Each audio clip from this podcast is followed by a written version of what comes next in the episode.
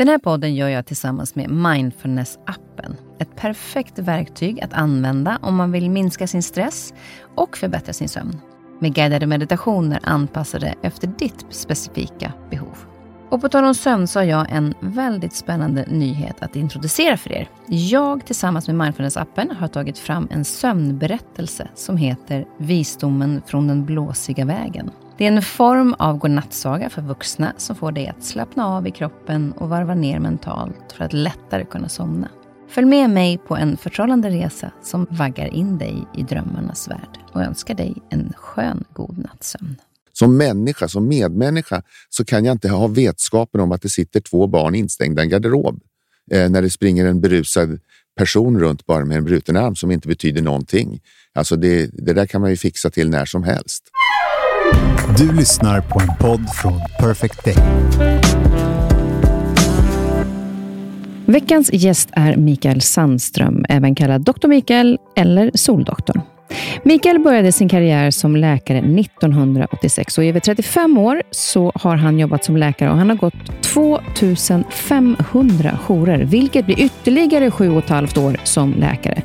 Han känner nu att han är klar med läkaryrket på sjukhus och slutade för ett år sedan och vill nu fokusera på, nu när han har tillgång till mediala möjligheter, att nå ut med medicinska förklaringar på ett annat sätt ett enklare sätt så att vi förstår. Vi har sett honom i Nyhetsmorgon i flera år där han svarar på frågor så att vi som inte kan de här medicinska termerna också ska förstå. Nu kommer han ut med boken Sånt är livet, berättelser från akuten. Och det är hans personliga erfarenheter och möten med patienter som har berört honom och där han ställts inför olika dilemman. Det har handlat om att skapa förtroende mellan läkaren och patienten som gör att patienten klarar av att ta emot ett svårt eller oväntat besked. Erfarenheter som berörde mig när jag läste boken, men skapade också en nyfikenhet på hur livet på akuten och som narkosläkare, som Mikael var, är i allt från hur man agerar i snabba beslut när de ska tas, hur man pratar med patienter om tunga besked och samtidigt hanterar de anhöriga. Är det inte svårt att försöka hålla tillbaka sina känslor i sitt professionella yrke som läkare när det faktiskt handlar om liv och död? Det är mitt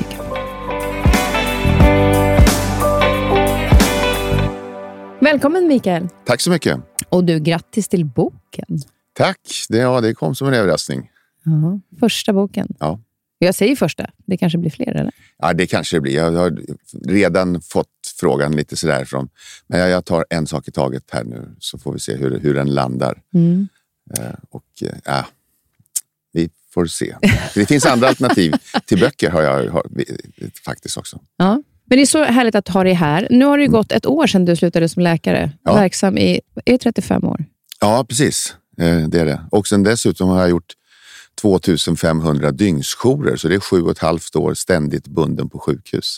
Så att jag har sedan länge passerat pensionsåldern i det avseendet. Ja, och ändå är du inte där. Nej. Egentligen. Nej. Men, men finns det någonting som du så här i efterhand, nu, här, när du tänker tillbaka, här, som du ibland kan här, sakna från sjukhuset?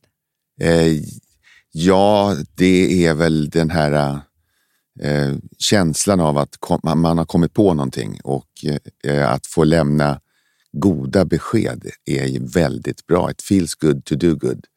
Eh, att kunna ha någonting att säga, det är ingen fara, det här ordnar sig. Mm.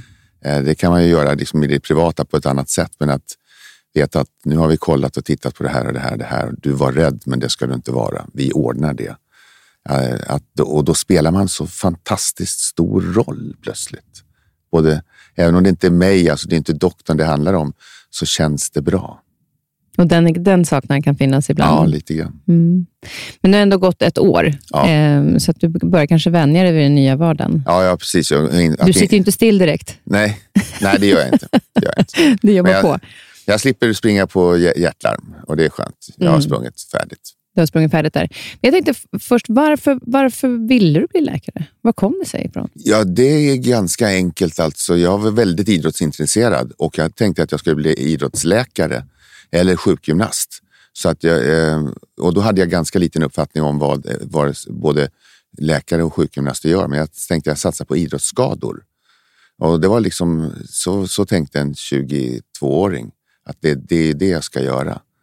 Och sen så börjar man ju utbildningen och sen lär man sig lite av det. Och sen så är det ju vilka möjligheter som öppnas. innan man är, var färdig. Liksom. Ja, för det, man, man pluggar väl x antal, det är så många år ni, Ja, ni, ja. innan man blir färdig läkare, men man bestämmer sig inte från början vilken, vilken riktning man har inom, och då ändrar det ju eh, definitivt då från idrottsskador till narkosläkare. Hur kommer Ja. det sig att det blev narkosläkare? Ja, det är alltså i Sverige och Norge och lite Danmark så är den skandinaviska modellen det är ju att man sysslar både med intensivvård och eh, anestesi, alltså att söva folk och för att de, hänger, de går hand i hand. Utomlands i, i USA så är du antingen intensivist, alltså intensivvårdsläkare eller anesthesiologist, narkosläkare. Du, du särskiljer dem. Men det gör vi inte i Skandinavien, utan vi har både och. Och att jobba på intensivvården med svårt sjuka patienter kommer alltid att kräva flera specialiteter. Och då sitter man som intensivvårdsläkare som spinner i nätet och tar in folk. Man tar in öron, näsa, hals om det är problem i, i, i, och skadan på luftstrupar eller någonting eller någon konstig, käken är krossad. Eller man tar in en kirurg som ska bedöma om bukspottkörteln funkar eller inte. Eller så tar man in en neurolog eller så tar man in en infektionsläkare. Eller det gör man alltid. Eh, och sen, så ska någon samla ihop det här och det blev jag. Och, då, att, och det är så spännande, för det är ju liksom ett detektivarbete kan man säga. Eh, att vad är det nu, vem är det som håller ihop det här? Eh, och eh, då, då spelar det roll och då är det snabba, snabba beslut och man får tidigt lära sig, märk- märkligt nog, att fort är fel ibland. Så att man måste, det är väldigt viktigt att göra rätt saker. Men fort är fel, du måste ju ta Ja, ja, snabba beslut. ja det måste man. Men Då vill man man- inte höra att det är, det är Ja, det kan, man, det, det, man vill ju inte jobba fort och fel, utan man vill göra... Det, om man gör, vi tar Mikael Schumacher som ett exempel, som är medveten och han har en skallskada. Om man fokuserar på eh, skallskadan och inte hans andningsvägar. Det går inte att kompensera.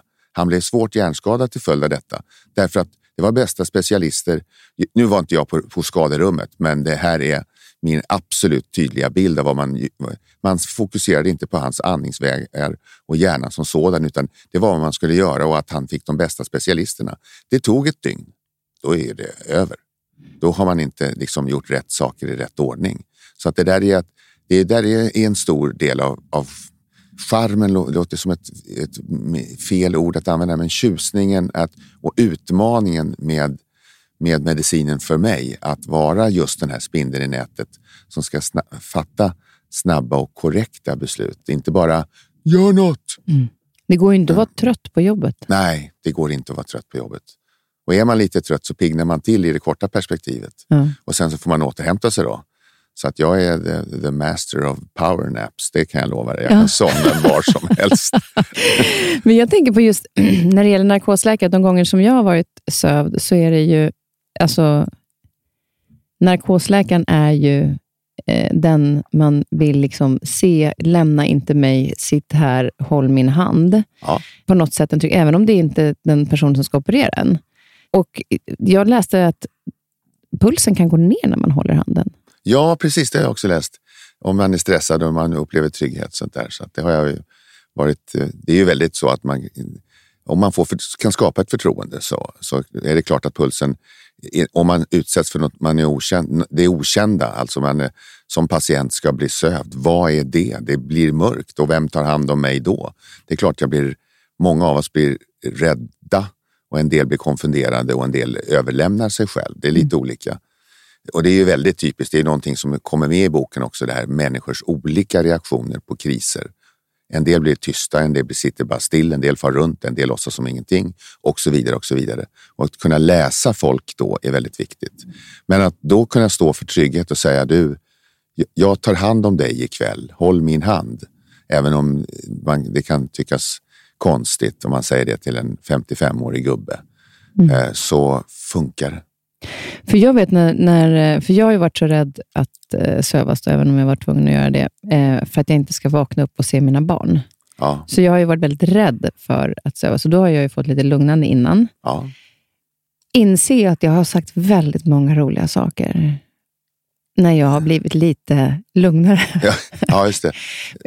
Har du fått höra mycket roliga historier? När... Ja, det blir, man hinner inte prata så länge. I början, eh, en gång i början så, när jag precis hade väckt en, det var en kvinnlig bankdirektör Och så, så vaknar hon upp och så säger hon, sa jag något? Ja, du, koden på eh, kassaskåpet. Och då såg jag hur hjärtfrekvensen gick ner, blodtrycket damp, hon, liksom vart, hon vart kallsvettig. Och det var så ett dåligt skämt från min sida, men hon hade någonting att dölja, den saken var ju klar. Men, men hon, hon liksom bara sa jag något? Ja, det gjorde du. Hon vart Och då kunde man se alla fysiologiska... Jag bara, nej, nej, nej, nej, du har inte sagt något, det är ingen fara. Jag vet ingenting. Det... Så att, alltså, vad som pågår där, både med undermedvetet, det kan man ju bara gissa. Ja. Jag vet någon gång när, när eh, jag skulle upp det så um, hade det stått på löpsedeln att mamma Alltså hon hade, det var någonting med, med eh, någon vätska, alltså hon fick vätskedrivare. det var någonting som hade hänt i alla fall. Och då var det, när narkosläkaren säger någonting, eller vi kom in på det, då nu var jag, jag lite halvlullig när jag hörde det här. Och eh, då sen så gick det, pratade vi om, hur gick det med mamma då? Ja, men du vet att hon fick eh, uh, urindrivande. Det var inga problem. Hon kissade som fan. och så när jag vaknade upp, jag bara, vänta nu sa jag det där ja. på riktigt? Vilket ja. i och för sig var sant, ja. men, men där och då så kanske man, man säger det på ett annat sätt. Jag tänkte, ja. fan jag är lite rolig nu. Men den, den känslan är i alla fall att man, det finns en möjlighet att bli lite lugnare, både hålla handen och um, känna den tryggheten.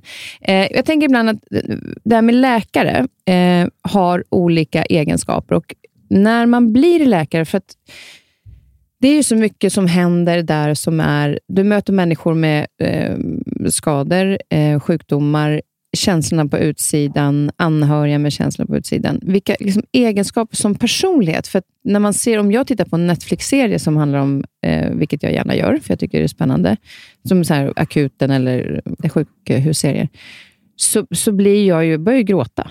Ja. För att jag blir så berörd. Hur vad, vad, krävs för mentalitet hos en läkare för att kunna hantera allt det som sker? För att inte gå in i den här för mycket empatiskt. Samtidigt som man väl ska ha empati? Ja, man ska absolut ha empati, men det, man ska ha det vid rätt, på rätt plats och vid rätt tillfälle. Ja, jag tror, eh, om man går till mig själv, så är det förmågan att fokusera. Eh, att göra det, det som behövs göras. Och ibland så kan man kanske inte lugna om du får, nu är det, här med, det blir ofta trauma och olycksfall som står för en ganska liten del. Det vanliga är ju sjuk, liksom, invärtesmedicinska sjukdomar som har blivit sämre eller man har flera sjukdomar samtidigt. Men all, allt finns.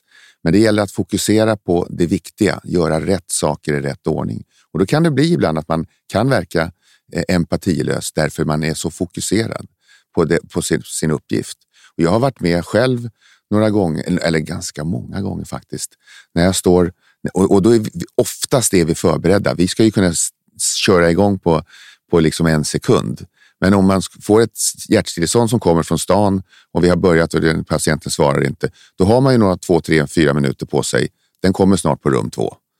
De minuterna är väldigt värdefulla och jag kan känna då någon, några gånger ibland när jag har varit att jag, jag ser saker tydligare, Färgerna blir klarare. Jag vet exakt. Det är bara det som hela världen bara fokuserar så det blir ett skarpt fokus både nära ögonen och långt ifrån. Och sen så, nu vet jag vad jag ska göra. Och då, då, då är det väldigt, väldigt fokus på det första. Och för mig då som narkosläkare så blir det ju ett, jag har ett system för luftvägar, medvetenhet och sånt där. Så jag hamnar alltid uppe vid huvudändan. Eh, och sen så kan jag på några få sekunder, okej, okay, det här löser sig absolut. Så, så kan man, men den här snabba första bedömningen blir så enormt intensiv. Och det, det, gör, det är en förmåga att fokusera. Mm. Den har hjälpt mig väldigt mycket. Eh, och, sen, och, då, och nästa steg blir då att prioritera. Vad är det jag ska göra? Är anhörig viktigast nu? Alltså inte, utan nu tar vi vidare patienten. Och då kan man börja med arbetsfördelning och det gör man där från huvudändan med patienten upp och ner då, som för oss narkosläkare huvudet närmast oss och fötterna bortåt. Och det är det man eh, ser ja. innan man blundar? Ja, ja precis. Eh, lite, precis. lite så. Ja. Eh, för det är ju en, viss, eh, en hel del dilemman som ska liksom, eh, sorteras, som du säger. Att, mm. Hur gör vi i den här situationen? Och du, ja. du, berättar så fint i boken att om eh, när ni var yngre, så du och dina bröder satt och pratade med pappa och att han gav er olika dilemman. Berätta om det. Ja, vi hade ju vi var ju rätt rörliga. Vi, har tre, vi är tre bröder och, så vi hade, och så var man ute och gjorde saker och det var allt från cykla och moped och spela fotboll på gården och, och sånt där. Men söndagsmiddagarna blev liksom lite heliga och då käkade vi middag vid fyra snåret. Och då gjorde pappa dem lite intressantare genom att föra in liksom dilemman. Det var inte bara e-, etiska, men, men lite liksom frågor. Vad tror ni? Kan man döda någon människa till exempel och göra rätt? Och för en 10 en 12-åring så kan man inte det. Eh, men, och då vi, vi, hade, det var lite av, av farsans grej det där att ställa saker på sin spets. Att, ja, men, jag vet att man kan inte det. Det är fel att döda. Det har en tioåring lärt sig. Det får man inte göra. Och sen så, ja, men, titta från det här hållet då. Jaha, hur gör man då? När, och, och som historien om flygaren då. Mm. Eh, och, då, och det har varit, det har varit um, något väldigt centralt för oss. Att man, får liksom, det är inte, allt är inte vad det synes vara, det, utan tänk, någon annan kan se det på ett annat sätt. Och det där har nog hängt med mig eh, genom livet och, av, och det har jag haft glädje av. Det vill säga att du kom ihåg att någon annan ser samma sak på, på ett annat sätt. Mm. Om du ser ett papper framifrån, jag håller nu upp ett papper, så ser du bara ett smalt streck. Om du skulle vrida dig 90 grader, nu vrider jag pappret 90 grader, mm. så ser jag ju en annan yta. Ja, exakt. Och, liksom, vad fan, ja, det beror på var man står. Ja. Ja, vad menar du fysiskt rummet? Ja, mentalt, var du befinner dig. Så att eh, det, det, saker ter sig olika beroende på var man befinner sig. Och att kunna eh, som, som barn få den insikten tyckte jag var rätt kul. Alltså. Och den har du fått användning för, ja, ja. kan jag tänka mig, i jobbet en hel del. Eh, när eh, det här akuten och detektivarbetet har du pratat mycket ja. om. Och jag ska säga också, jag har ju läst boken och jag var först lite Eh, inte så skeptisk, absolut inte, eftersom jag tycker, om, jag tycker det är spännande, men, men jag tänkte så här, hur ska jag läsa en hel bok om sjukhusmiljöer? Liksom? Men, men du skriver på ett sätt som gör att man inte vill sluta. Ja. Eh, varje kapitel börjar med någonting och sen så ger du inte svar, utan då börjar du om historien. Så man blir, liksom, man kan liksom, börjar man på ett kapitel så man, måste man ju fortsätta till slutet. För man kan inte lägga ifrån sig boken då, vilket gjorde att det blev ganska sent den natten när jag läste boken. Men, men väldigt roligt på det sättet. Och Då var ju liksom det återkommande det här detektivarbetet. Jobbet verkar ju enormt stressigt. Ja. Kunde du liksom balansera det ändå i det här liksom stressiga påfrestningen till... Liksom, jag menar alltså, hur, hur hanterade du det? Ja, jag, jag vill börja med att säga att den här boken är då skriven så att den inte riktar sig till sjukvårdsfolk. Så man behöver inte kunna eh, fackmedicinska termer utan det är, den är för vem som helst. Och viktig för vem som helst skulle jag säga. Ja, alltså då får man en insikt i, i alla fall lite grann hur vi jobbar och hur stressigt det är och hur stressigt och hur egentligen korta stunder det är stressigt. Sen är det lugnt emellan. Just för narkosläkeriet och inte, det är mycket en åtgärd att utvärdera och se. Gick det bra eller gick det dåligt? Och, och sånt där. Så att då, då, då, gör man någonting och sen väntar man. Mm. Gör någonting, väntar. Så det är till skillnad från kanske kirurger och ortopeder som står på en operationsavdelning i två, tre, fyra timmar still och opererar. Det, och det, vi gör, jag har det helt diametralt motsatta arbetssättet. Det är att man gör någon liten grej, vi prövar den här medicinen, hur drar hjärtat ihop sig? Bra eller dåligt?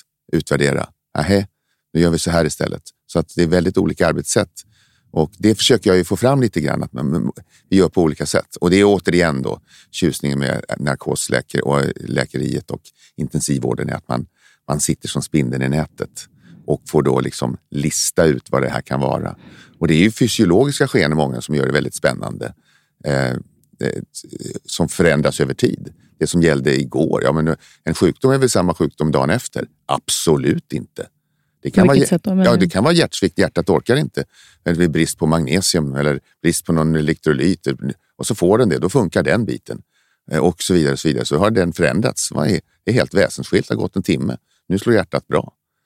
Eh, till skillnad från halsfluss som eh, ja, tre dagar med penicillin så är det bra. Mm. Och det, så att det gäller att, det är det som är en stor del av, av det som fång, tjusningen och det fångar Men också det att, att det finns väldigt olika anledningar. Just att hjärtsvikt kan ju vara då mm, en patient och sen så får en annan patient med det, men den har andra förutsättningar. Ja, och, precis. Absolut. Så då blir det ju annan behandling kanske Ja. kring den. Ja. Så det blir inte, det är inte samma sak Nej. om det är två Nej. olika dagar. Nej. Och just det här att du också skriver väldigt um, förklarande till exempel, som jag också tycker var bra, så här, varför har man blåljus ibland och varför inte? Ja. Och. Varför har man inte det jämt för? Ja, precis. Eh, Så sådana saker som man, vi vanliga människor ställer oss frågan kring, som vi får svar på Ja. i boken. Ja, jag hoppas ju det. För att det, man, men du gör väl allting för alla? och sånt där. Men vi ska väl göra allting för alla. Ja, på en olycksplats ska man definitivt inte göra det. Så då kan man ju bli fast för första patienten. Så ligger det nio till. Och en kanske bara rättar till käken så kan de andas. Ja, då står du fast med något benbrott. Så här gäller det att göra rätt saker. Så, så det, det vill jag ju belysa. Att, eh, hur olika det kan vara. Eh, och jag vill gärna göra det på ett lätt, lättförståeligt sätt.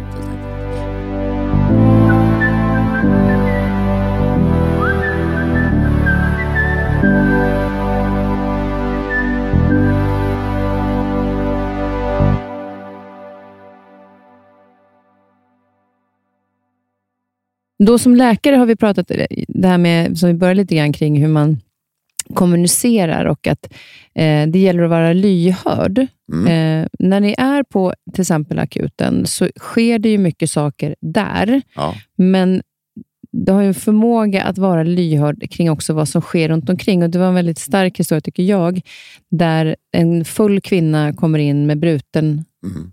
arm. Ja. Eh, där du säger också att vi har också ett ansvar i samhället. Ja. När vi Berätta lite om den. Ja, det är, det är barnen i garderoben. Ja, när det plötsligt är från en, en berusad kväll. Alltså, akuten på helger och kvällar, det är inte alltid en jättekul tillställning. Eh, och vissa patienter konsumerar nog fruktansvärt med vård. I synnerhet berusade eller, på, eller av något sätt. Oftast är det alkohol, men det finns ju vanliga knark och sånt också förstås. Men de gnäller och det är, det är fel. Och det, man ska inte, jag ska minsann inte behöva stå, man ska inte behöva sitta, man vill äta, man vill ha kaffe. Gör inte så. Vad är min jacka? Vad är bilen? Vad- Och så blir det ett enormt energislöseri på fel saker. Men, och, och det är ju människor i nöd och vår- det är inte min sak att döma dem, men det är min sak att bedöma dem och vilken ordning de ska komma och vad, hur jag ska behandla någonting. Men så plötsligt ibland seglar det upp någonting som skär igenom allting. När det plötsligt, ja men det här är, jag kan inte säga att om jag nu vet att det sitter två barn instängda i en garderob, då kan jag inte säga gentemot mig själv, det är inte min sak. Men det är inte min sak som narkosläkare eh, och på akuten att handha små barn eh, sju mil därifrån. Det är socialtjänsten och det är inte jag som ska hålla på med det här. Men jag har ju ett, ett, ett man måste ha liksom lite civilkurage eller man måste ske, veta vad som är rätt och fel. Kan jag släppa det här? Nej, när jag nu vet det så måste jag agera. Jag kan inte låta bli. Som människa, som medmänniska, så kan jag inte ha vetskapen om att det sitter två barn instängda i en garderob. Eh, när det springer en berusad person runt bara med en bruten arm som inte betyder någonting. Alltså det, det där kan man ju fixa till när som helst. Och då, att då börja traggla med då börjar man ju om och då ska man bryta sekretessen gentemot henne. Och, och, då, bör, då blir det besvärligt. Jag måste ställa frågor. Jag kommer att avslöja att henne, hon har berättat i förtroende, kanske, för mig att ba- barnen sitter där. Får jag då agera? Det blir massa andra etiska förhållningssätt som man måste då reda ut med sig själv. Och jag är lite fyrkantig sådär, så att det där, jag, jag accepterar inte eh, det där. Utan då började jag rota i det. Slu, vilket slutar med att jag får ringa socialchefen mitt i natten själv. För, för att eh, fixa, som då själv åker ut i skogen sju mil därifrån och tar barnen. Men där är just det att, att där blir ju ett, ett dilemma, där, där du som läkare egentligen inte då får för sekretess. Men hade jag som medmän, alltså som en människa hon, och suttit på samma fest som den här kvinnan och jag hade hört det, då hade jag ju kunnat, för jag har ju ingen sekretess, Nej, det så hade då hade kunnat. jag ju kunnat göra det. Ja. Så det blir ju lite... Men då hade du också varit berusad, säger jag nu, så här, va? i feststämning som alla andra. Och så vill man inte lägga sig i. Och det här är ju, det är nog inte första gången barn far illa när, på, när vuxna festar. Eh, men det är, och man, det finns ju en tendens att ja, men de har det bra och det ska nog bli och det är inte våran sak och vi ska, man, ska, man ska inte lägga sig i. Och principiellt sett så är det det man ska göra. Och det gäller ju människor. Det här rådet skulle jag kunna ge vad det gäller människor i kris, som jag själv har varit eh, efter att eh, min sambo eh, tog livet av sig. Man blir lämnad. Ingen bryr sig. Mm. Det blir tomt. Det blir tyst. Det blir liksom så här. Eh, och då är ju lösningen igen då, som, som anhörig eller som nära bekant, lägg dig i. Är det någonting som du har fått lä liksom, en lärdom från den tiden? Eh, ja, i alla fall. Jag, jag hanterar nog inte det just nu. Det är ett annat ämne förstås. Ja, men jag, nej, men jag menar just ja. det här att man ändå, att när man själv har upplevt någonting, ja. eh, så kanske det blir viktigare för en att agera på ett annat sätt mot andra. Ja, man, ja verkligen så. Och man försöker ju lära sig, man försöker göra rätt.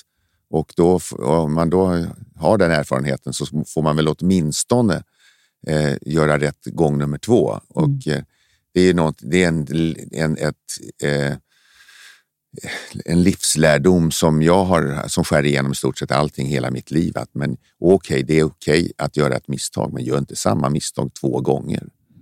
Nej, och sen också att man gör eh, sina egna misstag. Ja. För där är också en, en eh, en, en, ett kapitel i boken som man verkligen blir så men hur ska han göra nu? Ja. Sitter jag och tänker. Ja. Jag blir ju förbannad på, alltså när man tittar utifrån perspektivet, på, ja. på den här barnläkaren som, eh, för det kommer in ett barn, är på väg in till akuten. Ja. Berätta om den händelsen. Just när du hamnar i ett, ska jag göra som hon tycker eller ska jag göra som jag tror är bäst? Ja, och det var ju ett dilemma. Jag var inte, speciellt, jag var inte färdig specialist ens en gång. Eh, och det var en 15-årig flicka som hade väldigt svårt migrän, men helt frisk, gick i skolan. Sätter i halsen i skolbespisningen. Eh, 15 år, hon går i nian, sätter i halsen och, och börjar hosta och harkla. Och, i, varför hon gör det, det vet man inte. Om hon blev nästan medvetslös tapp, eller bara satt i halsen i alla fall. Och först då iväg till Karlskoga och då har, där har det hänt en olycka så då vänder ambulansen och kör ner till, till Örebro. Det ligger åt andra hållet och vilket gjorde att det var en längre transport och hon var blå i ansiktet av syrebrist och kommer in. Eh, hon skulle först inte komma utan Ja, den här patienten går till Karlskoga och sen så ändrar man sig och sen så kommer den här barnläkaren då som känner patienten och vet, har träffat henne i piggt tillstånd och säger att okej, okay, jag, jag, känner henne. Det är lugnt. Ja, lugnt, sa jag. Är, men om hon kommer in och inte kan andas så är det väl inte lugnt? Det är lugnt jag löser det här. Ja, men vi är ju fler i rummet liksom. och samtidigt så, så var, och så, då kände jag liksom att det här samarbetet blir inte bra. Okej, okay, jag gör min grej och sen så kommer hon in och jag ser hur dålig hon är och ena lungan rör sig inte. Jag står där vid huvudändan och ser att hon, vad fan, vad är det här? Hon har ju spyor i ena lungan. Det här är ju bråttom. Nej, det, hon ska inte behöva respirator, säger det. Och det gick precis emot allting. Så någon som står och förklarar för mig vad man inte ska göra. Och där hade jag det där. Där, fick, där gick det nog rätt fort in i min lilla kupa. Och så tänkte jag att nej, jag måste göra det jag tror på. Så att då, då, då exkluderade jag den här barnläkaren från, från agerandet på akuten. Vi var ju många där och det var ju flera narkossjuksköterskor och sjuksköterskor som var väldigt mycket på min sida om man säger så. Så vi agerade och vi gav fan i henne. Mm. Eh, vilket, och det visade sig då att hon har satt i halsen, dragit ner spyor i lungorna och en, ena, ena lungan var helt tät. Eh, och så hon höll ju på att dö. Och det, hon hade inte haft sådär jätt... Och så står någon som säger nej, nej, nej, gör det inte, gör det inte, gör det inte. Det är jobbigt alltså. Mm. Eh, men sen så löste det sig hela, sen försvann hon och jag var ju väldigt upprörd och tyckte att det här är en för fan destruktiv människa som står och försöker lura mig. Fick du någonstans svar? För nej, hon gjorde det? nej. Jag tog ju upp det här sen med min, med min chef som var jättenöjd, tyckte fan vad snyggt. Men, eh, men eh, det, det las locket på. Jag, jag vet ingenting mm. om det. För där blir det ju ändå när, när någon annan lägger sig i, att, att eh, någonstans det du tog ansvar för var mm. att gör jag ett misstag så ska jag göra mitt eget. Ja. Inte hennes. Ja. Ja, precis. Så var det ju. Och det var ju, den och det var ju det jag bestämde mig för och, så, och då gick det bra. Eh, så att det, det, där har hängt med mig också väl resten av livet och finns fortfarande kvar. Mm. Att jag kan, om jag nu ska, och kan jag inte så tar jag ju hjälp. Men om, om, och jag är en person som jag hör, när man ser en bra idé så, eller, eller hör den så vet man att fan, det här är rätt. Det spelar ingen roll om det är någon annan kom på den, men det här är rätt. Varför tänkte jag inte så? Då skäl jag den idén högt och tydligt. Så här, det här tar vi, nu gör vi så här. Det här var inte min idé och då får man ju gärna ge credit till den som kom med den. Och då stärker du eh, eh, liksom det, den sammanhållning som finns på, på, på en akut till exempel.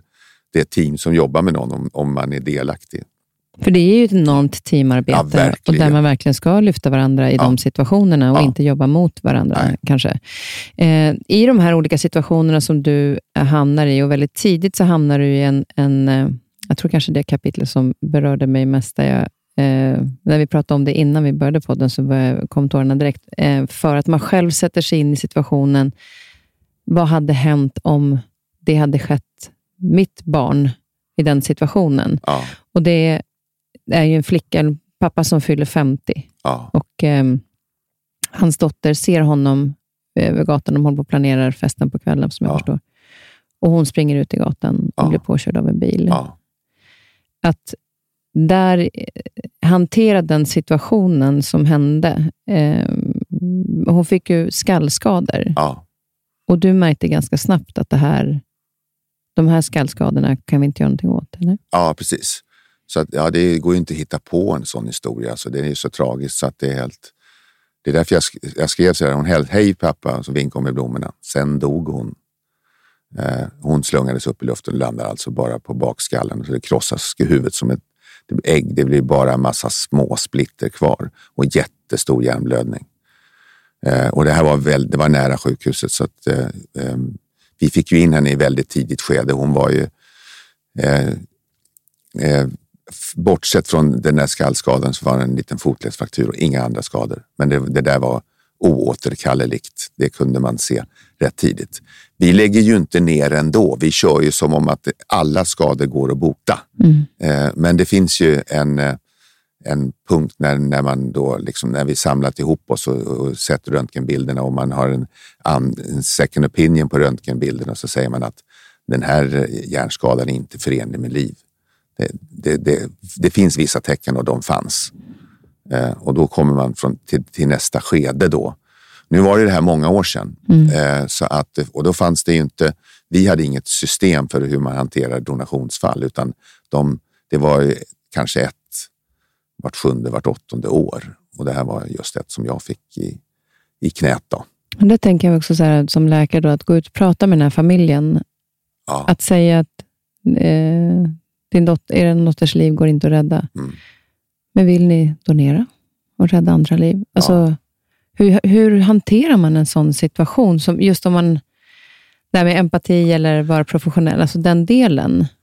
ja alltså det, det finns ingen ri, riktigt ko, korta, någon, någon, någon kokbok för det där hade jag i alla fall inte.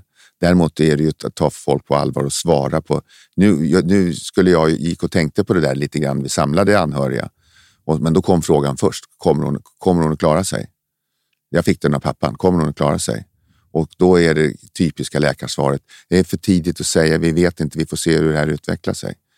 Eh, och eh, vilket skulle kunna vara delvis sant. Och, men jag visste ju vad jag visste så sa jag nej, det kommer hon inte. Och då kommer in, sig frågan, hur fan kan du veta det? Ja, röntgenbilderna visar ju så här och så här, och så här men vi kan titta en gång till och för säkerhets skull. Men det, och vilket man då gör. Och säger att det, det, det, det går inte.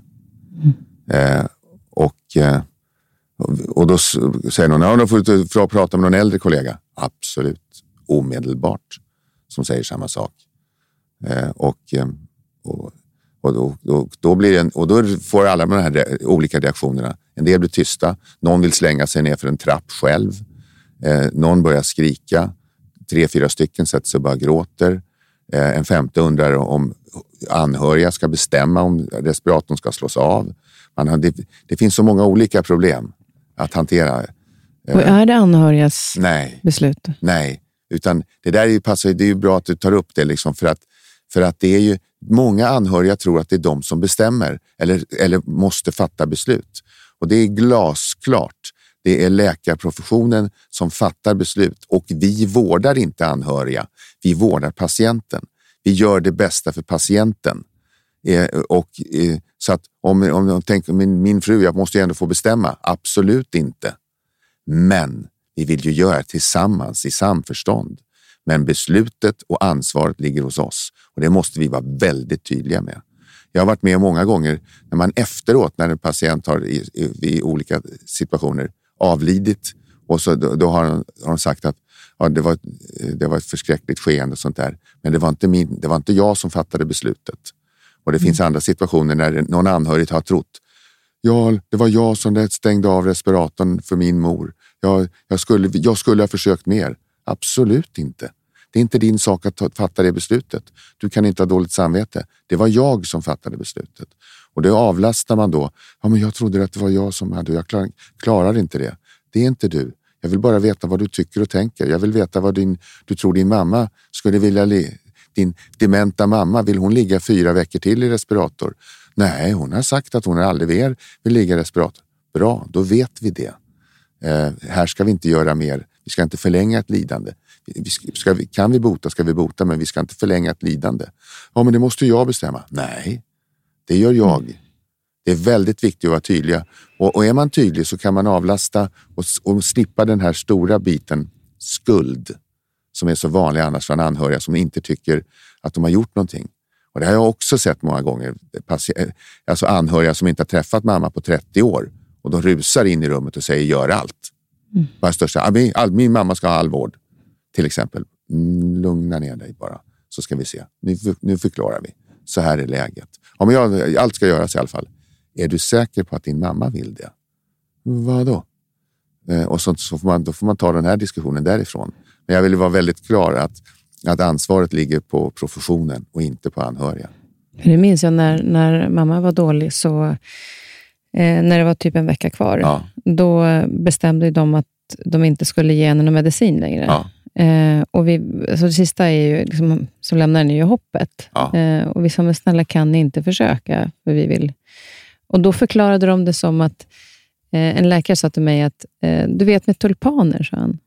Eh, de kan man ju klippa av och så fyller man på nytt vatten och så reser de sig. De tar till sig med ja. liksom, vattnet. Eh, men till slut när du klipper av dem så suger de inte upp något mer vatten. Mm. De tar inte till sig med det. Liksom. Och det är precis där din mamma är nu. Hon kommer inte ta till sig mer vatten, för att kroppen orkar inte det. Nej. Det blir en belastning för henne. Ja. Och Jag tyckte det var så fint, eh, och dessutom så älskar mamma tulpaner, ja. så var det så fint att han tog det som ett exempel. Men, men just det här att det blev ett tydligt förklarat att jag... För vi kände ju hela tiden så att, jo men snälla gör det, för att vi mm. vill. Ja. Men nej, nej, därför att det gör henne inte gott. Nej, så är det. Och då ska, då ska man ju vara tydlig och klar. Ja, men jag vill, jag vill ändå, jag, man vill ju inte ta bort hoppet från dem. Alltså man vill tala sanning. Mm. Eh, och man kanske måste upprepa sig. Jag vill absolut inte ta bort hoppet för någon. Men om det nu inte finns något hopp och man gör den, den eh, patienten mer skada än nytta, då måste man ge sig. Och det, så professionell bör, måste man kunna vara. Alla kan inte det utan då fortsätter man. Det finns ju sjukhus på andra, i andra länder, nu ska jag inte gå in på för att kritisera dem, men där man kör hjärt-lungräddning på alla patienter. 100 procent av patienterna. Alltså ett, eh, så kör man igång med, eh, med hjärtmassage. Även terminalt cancersjuka patienter som väger 30 kilo och har spridd cancer i hjärna, lungor, skelett och allting. När de dör, då kör man igång med hjärt-lungräddning. Därför att man måste ge alla en chans. Eh, och det är så vansinnigt ur etisk synvinkel, ur alla synvinklar. Det går ju aldrig. Det går ju, I 100 procent av fallen så går, misslyckas man. Mm. Ja, men man måste ju ändå ge någon chansen. Nej, inte på det sättet. Mm. Men så att vi, vi gör olika på olika ställen, den saken är klar. Och när det kommer till det här fallet med, eh, flickan då som fick de här skallskadorna, så blev det ju donation. Ja. Eh, men att i den situationen som läkare, dels se då när, när man ger beskedet de sitter och gråter i, eh, i rummet när, de när du ger beskedet och någon eh, skriker. Att där och då fråga. Ja. Alltså ställa frågan. Hur kopplar man om som, för att inte gå in i det empatiska och, och, och lida med, alltså bli ledsen med dem? Vilket Ja. Det, det, blev jag i det här fallet, kunde jag inte låta bli. Nej, det förstår och, och det, det måste ju vara svårt att hålla sig ifrån. Ja, ja det är det. Sen, när det är barn och sånt, jag, jag låter kanske hård och i- kall och jag, ska ju vara, jag ska ju vara professionell. Det kun, I det här läget kunde jag inte hålla tårarna tillbaka, det kunde jag inte. Mm. Men det är också respekt för henne. Så såg jag det då i alla fall och, och gör det fortfarande. Att nej, du kommer att dö. Vad, vad vill du göra någonting gott med ditt... Om du nu kan det, skulle du ha velat kunna göra något, då vill man ju inte ta ifrån henne det. Den möjligheten att hjälpa någon annan. Och det är ju liksom det fina med att vara människa, det är att göra någon annan människa väl. Jag tror liksom människan är god, de flesta i alla fall. Det finns något gott i de flesta. Eh, och då kan man då låta dem göra det som en sista handling så är det någonting för anhöriga att ta med sig.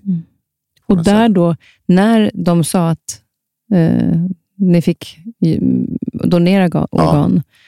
Så gick ni in i en, ett nytt skede Ja. som läkare. Ja, Att ställa om. ja det, är, det var... Och det, då, då kände jag lite, då vart jag fundersam för att då vart jag ju, nu jäklar ska vi, nu ska det, här ska det doneras organ, nu blir det ordning och reda. Nu, ska det, nu, nu lägger vi bort, kan vi inte göra det, då kan vi i alla fall, kan vi inte göra A så kan vi göra B. Och då måste man ny och upp, ny energi och med framåt, tänka och planera. För nu ska vi göra plan B här genom att ta och skörda dem, som det heter, skörda organen så att de blir så bra som möjligt. Och att ställa om och varva om igen, det är en eh, svår konst.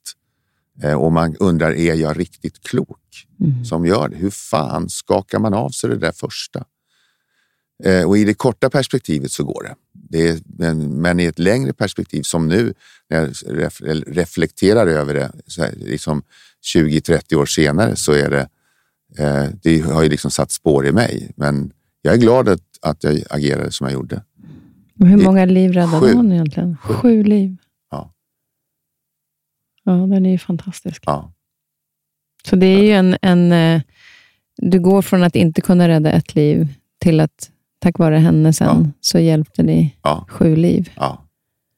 Ja, fantastiskt. Men där är ju kommunikationen viktig och där, när man, när man då, lite grann som du har pratat om, eh, möter det här med eh, känslor och, och hålla tillbaka. Jag vet en, eh, en eh, kvinna, eller en kompis till mig som, som fick ett eh, cancerbesked och där läkaren då var väldigt kall.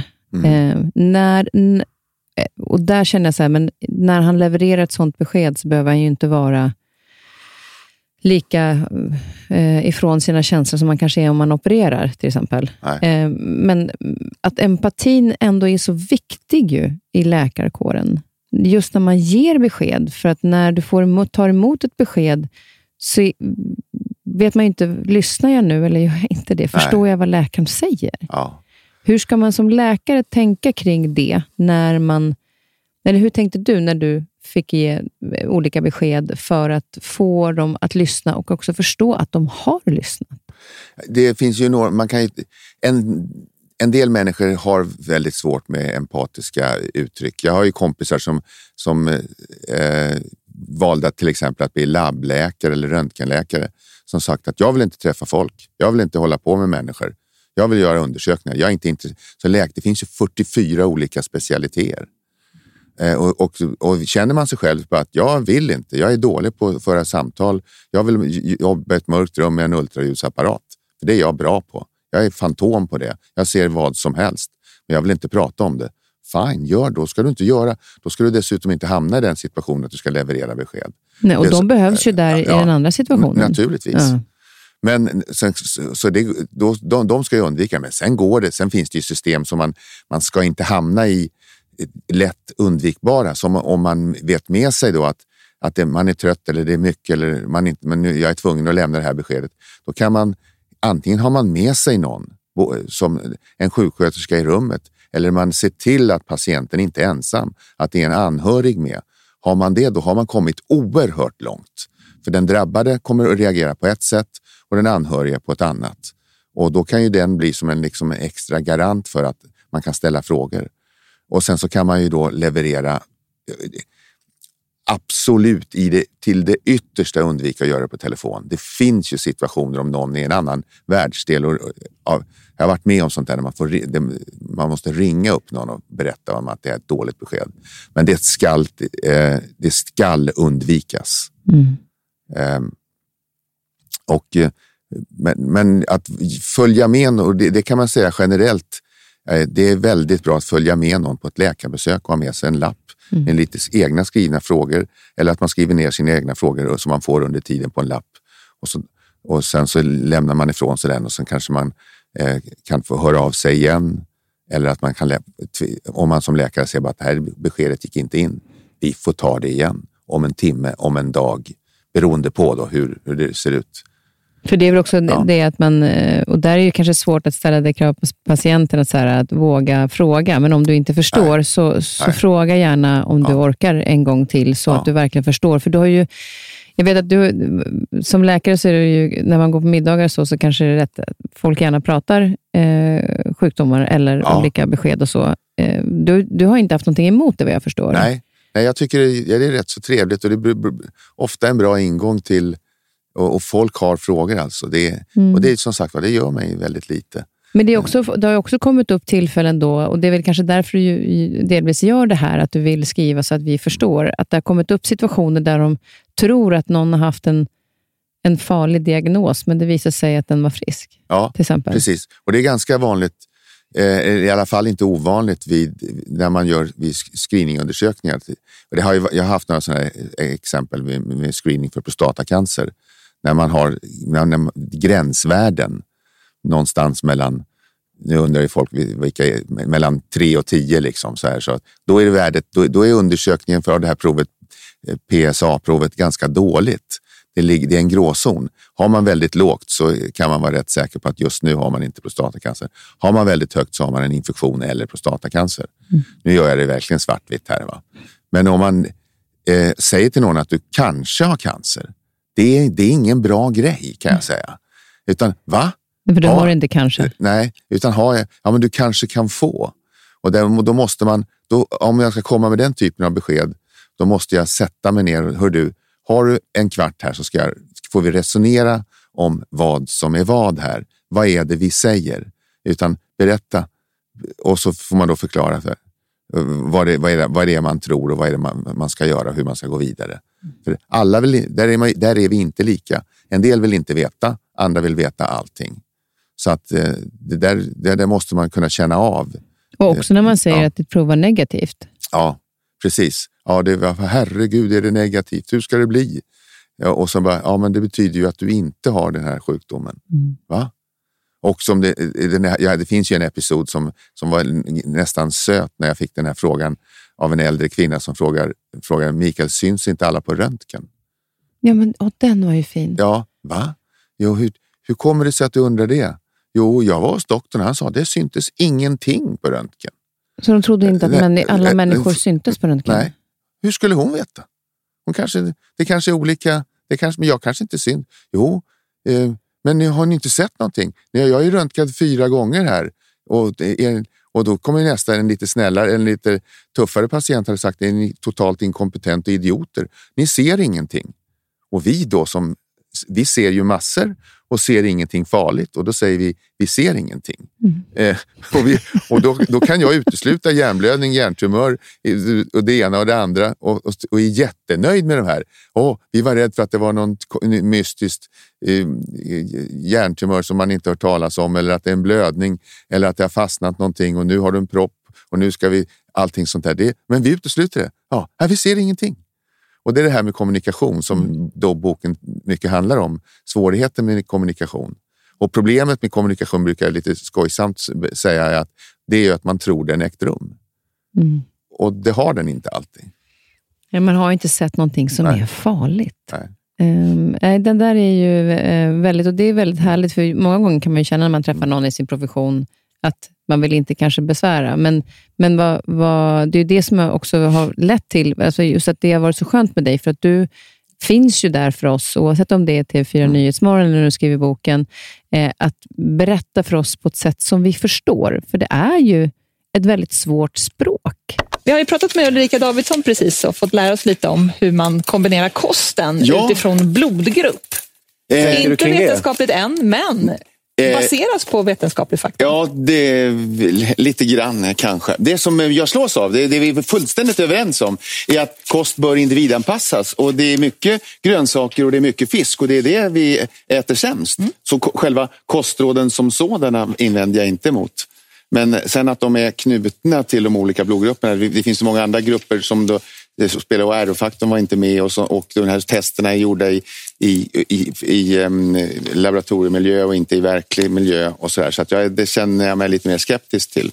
Och våran roll, bland annat som läkare, är ju att förmedla eh, hopp, trygghet, information och många olika saker. Och det tänker jag ju att det kan jag ju, jag gör ju världen lite mer svartvit än vad den är. Den, världen är ju grå med många olika varianter och eh, versioner liksom och nyanser. Men då, då svarar jag ja eller nej på väldigt många frågor och gör det väldigt enkelt att förstå. Eh, I första det ju, så har jag kört på Nyhetsmorgon och så har jag gjort i den här boken också. Att, ja, men, så här tänkte man. Ja, du kan väl inte se in i huvudet och veta vad de andra tänkte? Oh, det kan jag. Jag har varit med om det hundra gånger. Vi tänker så här. Ja, men jag kommer ihåg att det fanns en kille från Sydney. Ja, ja, men det är ett undantag. Men vi tänker så här. Eh, Och så då, då, då gör jag världen lite enklare och lite mer lättförståelig, hoppas jag. Och du har haft eh, samtal även med nära eh, inom din familj när det gäller livet och eh, vad som kan ske och rädslor och så. Din pappa och du hade ett fint samtal innan han blev sjuk Ja. om det här med rädslan av att inte kunna vara eh, alert nog eller förstå Ja. eller liksom bli förstådd. Eller, eh, hur, hur, hur tänker du själv kring den delen? För det var ett väldigt fint samtal ni hade och sen blev det ju att han också fick demens. Ja. Eh, det samtalet verkar berört dig ganska, det sitter Ja, fast. Ja, det, det gör det. Det, var, det var en speciellt om, eh, tillfället. Vi satt och tittade på solnedgången på västkusten och man ser solen gå ner och man ser klippor och man ser i stort sett en tidlös horisont. Man ser, man, jag uppfattar mig som en liten del i, i, i, kosmos. Men jag, samtidigt så uppfattar jag mig som en del av någonting. Det är sådana här konstiga tankar jag kan få ibland. Att jag känner mig som en del. Jag kan sitta i en, en bilkö och känna att jag är en del i systemet och vara glad.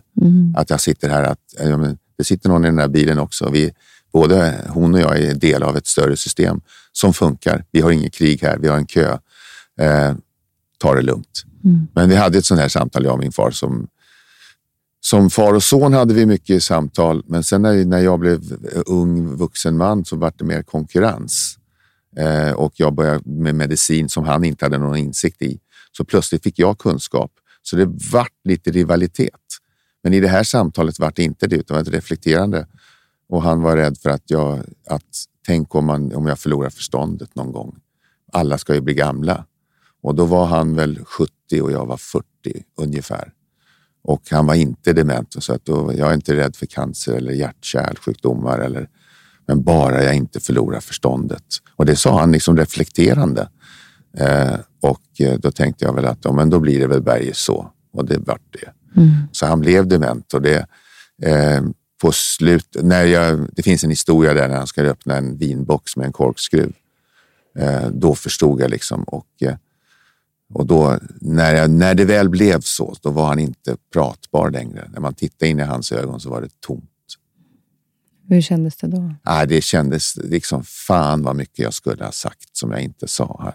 Och då, då, då var jag besviken på mig själv rätt länge. För jag, eh, saker man skulle ha sagt och uttryckt och tänkt och uppskattat och saker man skulle... Men där gjorde jag mitt eget misstag.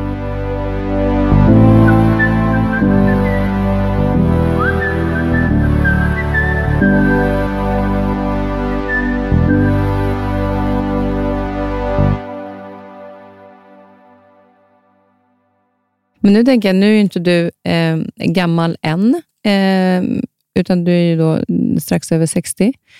Nu när du har då släppt det här med läkar eh, på sjukhuset, Mm. eh, du brinner ju fortfarande för ditt yrke Ja, eh, och för människor. ja verkligen. Men, men hur kan du själv se, om du tittar på den horisonten som du har nu? För att någonstans, jag är ju 50 och jag vet många eller 53, och många började säga när, just när jag fyllde 50, ja, vad, hur, liksom, hur känns det här? Och nu börjar jag bli äldre. Och jag bara, vad fan, jag kan, Ja. jag kan ha jättemånga år kvar. Ja, Alltså, den upplevelsen är inte alls att jag är gammal på något sätt. Liksom. Utan jag har ju massor med erfarenhet och är fortfarande pigg och frisk. Men kan också tänka liksom framåt, så här, vad vill jag göra med mitt liv nu?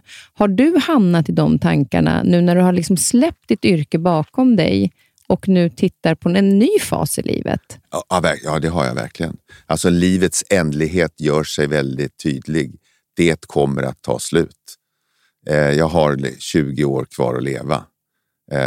Jag jag ser ju väldigt fatalistiskt på det där. Alltså först så var det fem miljarder år av ingenting. Sen blir det ett race med jag och 200 miljoner spermier och då vinner jag det racet och blir en människa. Och sen har jag 100 år på mig. Sen när jag dör sen så kommer jag inte finnas för all evighet. Att då liksom, att inte då tänka till och att inte då försöka få ut det bästa av det är ju fullständigt vansinne. Utan jag, jag, jag tänker på det där, men jag tänker inte på det med, med sorg eller rädsla, utan jag tänker att det spelar roll vad jag gör. Jag vill gå hit och prata i den här podden. Jag vill förmedla de här tankarna som jag just nu gör. Det är någonting jag gärna gör. Kanske kan någon annan reflektera och tänka eller vakna till. Jag vill kommunicera. Det är vad jag vill göra. Men någon gång tar det slut och det blir aldrig som man har tänkt sig.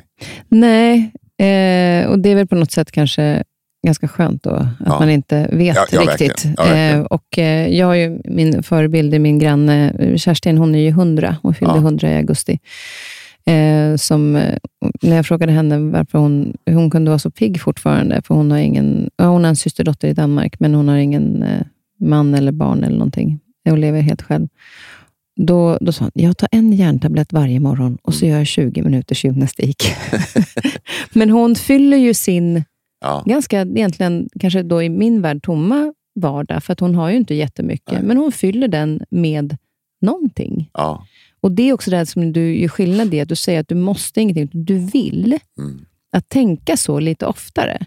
Jag satt på en middag häromdagen och då, min son nu som fyller 19 eh, om någon vecka, han var hemma och var sjuk.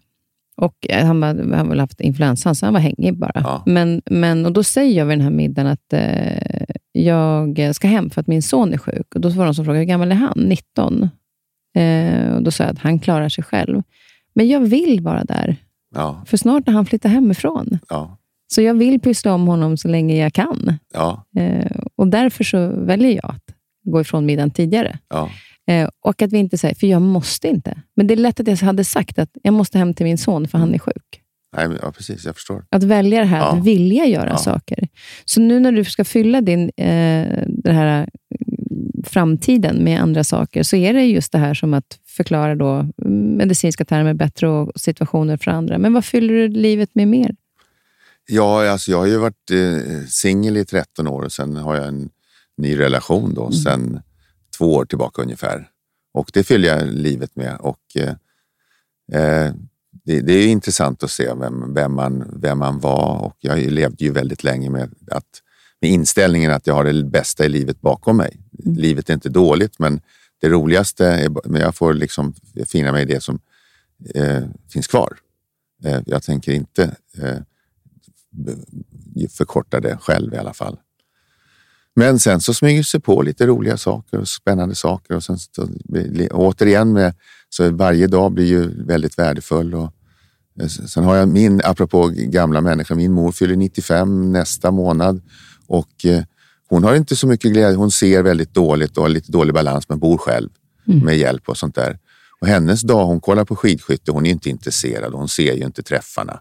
Men hon sitter där och, eh, och eh, hon är en fantastisk person som man kan ringa upp på det, eh, när som helst och man blir inte fastpratad i telefon. Och hon, det, det är liksom, och då känner jag, ja, men här kan jag ju göra lite, lite nytta i alla fall. Så att det, hon, hon tillför en mening och jag förhoppningsvis som tillför en mening för henne. Ja, och där tycker jag var en jättefin eh, berättelse. Just det här när, när eh, att fylla, att man kan inte säga att deras, som med Kerstin till exempel, att hennes liv inte har något värde, för att hon ser ju värdet i andra saker än vad jag ser. Mm. Och när du, under en period så var du tvungen att gå igenom en avdelning som hade palliativ vård. Ja. Alltså de som eh, då snart kommer att lämna. Och du såg en kvinna genom en dörröppning, Ja. en dörrspringa som, som låg där inne. Och så en dag så bara bestämde du för att gå in till henne. Ja, Den var så rörande. ja den var lite vad kul. sa hon då? Ja, hon, jag hörde, jag var i korridoren och så skulle jag svara på något. Jag stannade till och sen, eh, det var, jag befann mig i en korridor som man höll på och man höll på och byggde om på sjukhuset och sen så flyttade man runt massa platser. Och sen hörde jag bara, hallå, kom hit. Och jag tänkte, va? Var- Nej, det är tomt. Klockan är halv tre på natten. Liksom det. Psst, kom hit. Och då tänkte jag, vad, är det här? Och sen så då öppnade jag dörren. Var en, alla dörrar var stängda som jag uppfattade det. Så, nej, den där stod lite på glänt. Och där inne låg då en, en ganska pigg dam med en terminalsjukdom. Eh, en, en bukcancer. Och eh, hon låg vaken. Och där då tänker man sig att alla gamla vill alltid ha det tyst och tråkigt och ingenting ska hända. Man får, man får, det ska vara hysch-hysch. Som om de- de är döda redan innan de har dött. Eh, och, det, eh, då, då, och det är en missuppfattning. Man kan ju vara trött, men man betyder ju inte att man inte ska utnyttja de sista dagarna som finns kvar i livet. Och hon hade, eh, jag frågade henne just det där, har du inte ont? Jo, jag hade det innan du kom, men det är borta nu. Därför att jag, i ensamheten ligger man och känner efter. Och eh, sen så, så kom vi att prata. Och hon pratade om sitt och jag och liksom, det är inte, vad säger man till en god jul halv tre på natten till en svårt cancersjuk person som ska dö och inte kommer uppleva en jul till? God jul. Men hon sa god jul till mig så det var, det, det var lättare då. Men fina möten och, och det jag tyckte var så fint med det var ju att fylla livet med mening Ja, så länge det bara går. Ja. Även om det bara är några dagar kvar, som Ja. för den här kvinnan. ja. Och jag vart ju utskälld då, som om du läser Ja, vidare i boken. precis. Det var helt absurt. Jag tyckte det var, det var så fantastiskt eh, rent liksom surrealistiskt. När då, när vi, att hon levde sitt sista, sina sista månader, sina sista veckor den julen genom en dörrspringa. Och då sa jag, men då öppnar vi dörren. Så får du, kan du leva det här livet genom att se hela, alla som går förbi utanför. Och så upp, ställde jag upp dörren lite grann då, där, klockan halv tre på natten och vänder mig om och träffar syster Ingergärd som upprörd vrålar till mig. Åh, är du här på nätterna också? Nu ska vi prata. Och så gick vi in på hennes expedition och så vrålade hon igen att vad är det här för någonting? Så likt en sån där papper som man när man gör streck så det blir som ett staket. Man bockar av fyra stycken och sen ett snedstreck, fyra stycken ett snedstreck. Och så stod det 23 eller något sånt där. Jag sa att det där är ett staket. Det är inget staket. Jag har räknat hur många gånger du har varit här. och du har gått förbi här. Jag går ju så mycket. Och har man byggt om. Jag, fick en längre, jag springer mellan patienter hela tiden så jag har passerat där massa gånger. Det ska vara tyst här. Folk försöker faktiskt att dö. Alltså, Och, men Förlåt, hör, men du- fruktansvärt. Ja, hör du inte vad du själv säger? Jag har varit inne hos en patient och pratat, till skillnad från dig som står och skäller på den som pratar med folk. Liksom, ja, det, olika syn på... Ja, ja. Och där ser man ju också vikten av eh, rätt människa på rätt plats. ja, faktiskt. Du, eh, nu, och det, just det, det här var lite roligt. När jag läste i boken så har du och jag en mening som är exakt lika som jag har i en bok och som du har i en bok. Jaha. Din bok. Mm. Assumption is the mother of all fuck-ups. Ja, Vart hörde du den? Eh, ja, var, det kan, det vet Kommer du jag. ihåg det? Nej, Nej. det gör jag inte. Jag tycker det är så Men- roligt, men- för att det är ju ett uttryck, men jag Ja. har inte hört någon annan i Sverige som har, Mm. eh, förutom när jag hörde det, jag var på en eh, yogaklass Ja. och då, mm, eh, hon som hade klassen pratade engelska och så Mm. gick vi upp med ena armen och sen så automatiskt när vi skulle gå ner med den så gick alla upp med den andra armen. Ja. Och hon bara, ah, ah, ah. Assumption is the mother of all fuck-ups. Och jag började ju skratta, jag tyckte det var så otroligt skönt uttryck. Ja, ja, det är det verkligen. Det, det är riktigt bra. Man, för, man tror någonting ska ske. Ja, men så är det så här då? Ja, det kan det vara, men det, men vi kan inte ta det för givet. Nej, och det är ju så här, antaganden är en lögn tills det är en sanning. Ja, som man vet sanningen. Ja. Liksom. Så det, var, det var lite roligt att Ja. eh, du också Ja. hade hittat den. Hur ser våren ut nu då? Våren, just nu så håller vi på och avslutar inspelningen med Biggest Loser och sen så blir det lansering av boken närmsta eh, månaden. Eh, och sen så blir det Nyhetsmorgon och sen så blir det eh, kanske någon semestervecka till Spanien. Ja, men du, du har väl lite mera ledig tid nu? Ja, Efter o- alla och- de här journätterna. Det har jag absolut. Ja. Eh, nyfiken på undrar jag vad du är nyfiken på. Nu har du ju varit inne i läkardelen eh, delen hela tiden, men finns det någonting annat som du är nyfiken på? Ja, det är ju den här bokvärlden och hur det fungerar. Och jag har ju, jag när ju en dröm. Jag skulle vilja försöka göra någon liten föreställning, inte föreläsning utan föreställning som skulle närmast kunna beskrivas som stand-up medicine. Där man på, på ett roligt sätt kan berätta dråpliga historier om alltså kul grejer som jag har varit med om mellan doktorspatient och sen eh, skoja till det helt enkelt. Det är, och om den världen skulle öppna sig, liksom lite föreställning och, och den här bokvärlden då, som eh, försöka förstå hur det funkar eh, att skriva böcker, att eh, förhålla sig till, kanske träffa andra. Men hur har det varit för dig att skriva? För att jag tänker att både, både du och jag är rätt bra på att prata. Ja, Med ja. tanke på att det är lite grann våra yrken. Mm. Eh, och Sen ska man plötsligt sätta sig ner och skriva Ja. det man normalt pratar. Hur har det varit för dig? Ja, jag, jag, är, tycker, jag uppfattar mig ju inte som en författare utan mer som en berättare. Så att jag- det är inte Mikael Strindberg. Utan, eh, liksom det, jag, men, eh, och berätta tycker jag själv att jag kan hyfsat. Jag kan entusiasmera och jag kan fånga folks. Men det är mycket svårare att skriva. Men har du läst in den än på, som ljudbok? Jajamän. Ja.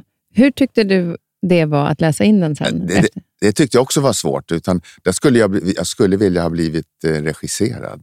Mm. Alltså så här, gör så här och tänk så och för, för, betona här. Det fick jag ju göra själv. Eh, liksom hur, vad, hur man betonar och vad, vad är vikten och när ska jag prata och hur läser jag en text och hur läser jag en dialog.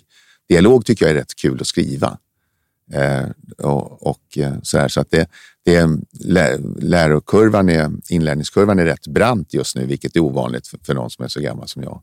Men eh, det är rätt kul i alla fall. Men roligt med nya utmaningar, för jag Ja. vet när, när jag hade skrivit klart den boken som jag läste in på ljudbok, då var jag ju rätt trött på mig själv. Ja. Alltså jag hade ju skri- man har ju skrivit om boken några gånger och man har redigerat den och tittat igenom den. Och vad ska jag läsa den här nu? Ja. jag egentligen bara vill lämna den ett tag. Men då upplevde jag det här att jag fick berätta den Mm. när jag läste. För att jag Ja. har lättare nästan till att, att... Då blev det mera berättande, på det, för att jag var van det på något Ja. sätt. Men nu hade inte jag så mycket dialoger och det blir en Nej. annan sak, för det Ja. har ju du i din bok. Men väldigt, väldigt eh, spännande och hoppas att det... Ska vi få se om det blir någonting här med någon Ja, läkarföre... Alltså för stand-up medicine. ja, just det. Men då Sjukt rolig idé ju. ja, ja det, det är inte så tokigt. Och, Nej, det kan eh, vi, vi kan behöva den Mm. typen av... För det är ju, jag kan tänka mig att det har varit en del dråpliga, så man kan göra en del Ja. eh, komedi kring, Ja, eh, utan att det är någon annan. Boken heter Sånt i livet och Mm. berättelser ifrån eh, akuten. Nu ska vi ta och fika eh, dina hallongrottor här. Vi ska avsluta med en låt först, eh, som du hade önskat. Lill, ja, ja, just det. Och det var en väldigt fin låt som, eller är en väldigt fin låt som jag fick tillskickat av mig av Lotta. Hon stod på en pontonbrygga i en sjö eh, och sjöng sången han sjöng var min egen, helt så här a cappella och skickade till mig. Det var en väldigt fin låt. Ja, den är fantastisk. Originalet är ju Killing Me Softly Ja. eh, med Laurie Lieberman från 1972. Eh, och när du, precis innan du kom så var jag tvungen att googla lite på den och då visade att Lotta och eh, Lill sjöng den för fyra år sedan på Liseberg. Jajamän. Så fint. Så då tar vi och eh, lyssnar på den. Tack snälla Mikael för att du kom. Tack själv.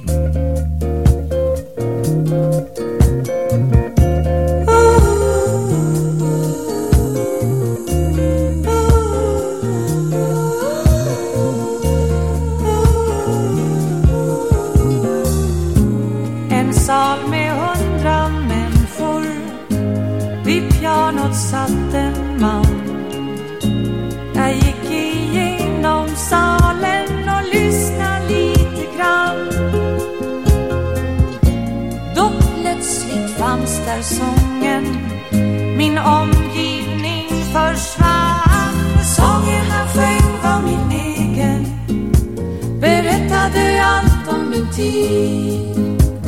Sången han sjöng var min egen Orden var tagna ur mitt liv. Rytmen var mönster på min hud Orden var tagna.